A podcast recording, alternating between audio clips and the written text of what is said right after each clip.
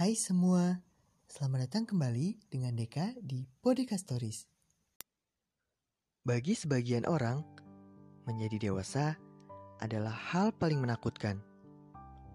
Seperti berada di lorong misteri yang kita sendiri tidak tahu akan ada apa di depannya. Tapi, kita harus tetap berjalan. Berjalan ke depan layaknya eskalator. Entah naik atau turun, jalannya akan tetap ke depan. Dalam beranjak dewasa, kita dihadapkan dengan berbagai pilihan. Salah satunya yaitu pilihan untuk meninggalkan atau ditinggalkan. Entah kita yang harus meninggalkan atau kita yang akan ditinggalkan. Ini hukum alam yang sudah diatur semesta. Kadang kita sendiri gak punya kesempatan buat memilih. Begitu banyak hal yang gak kita tahu dalam hidup ini.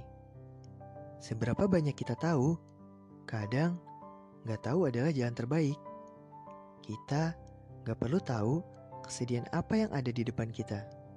Kita gak perlu tahu kegagalan apa yang akan menanti kita. Kita juga gak perlu tahu siapa yang bakal pergi ninggalin kita atau siapa yang bakal nyakitin kita.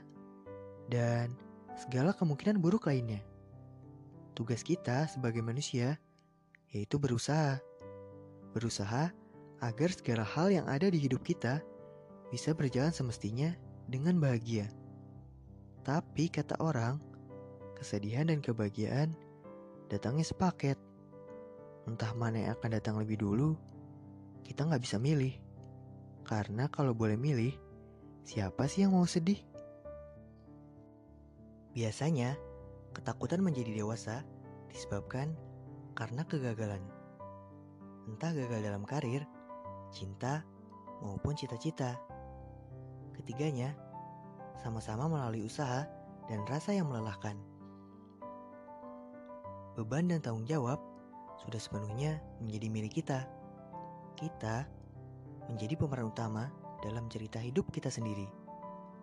Seberapa besar andil orang lain di hidup kita, pada akhirnya mereka hanya cameo yang dikirim Tuhan untuk memberi warna dalam cerita hidup kita.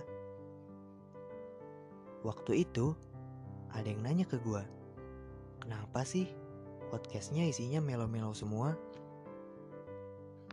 Jujur, gua terinspirasi dari podcast Rintik Seduh.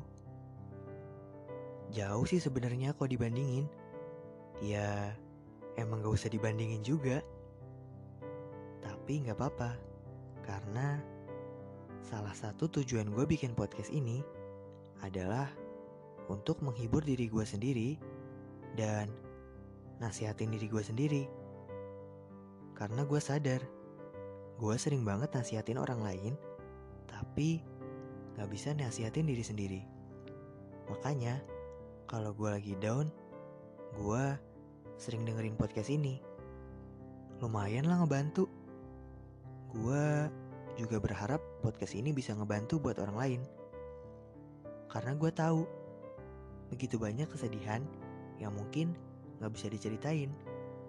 Gue cuma mau bilang kalau kalian gak sendirian.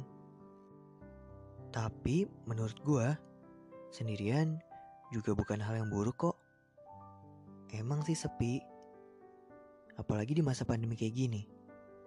Tapi kita jadi bisa ngeliat mana yang benar-benar ada dan mana yang cuma datang terus pergi.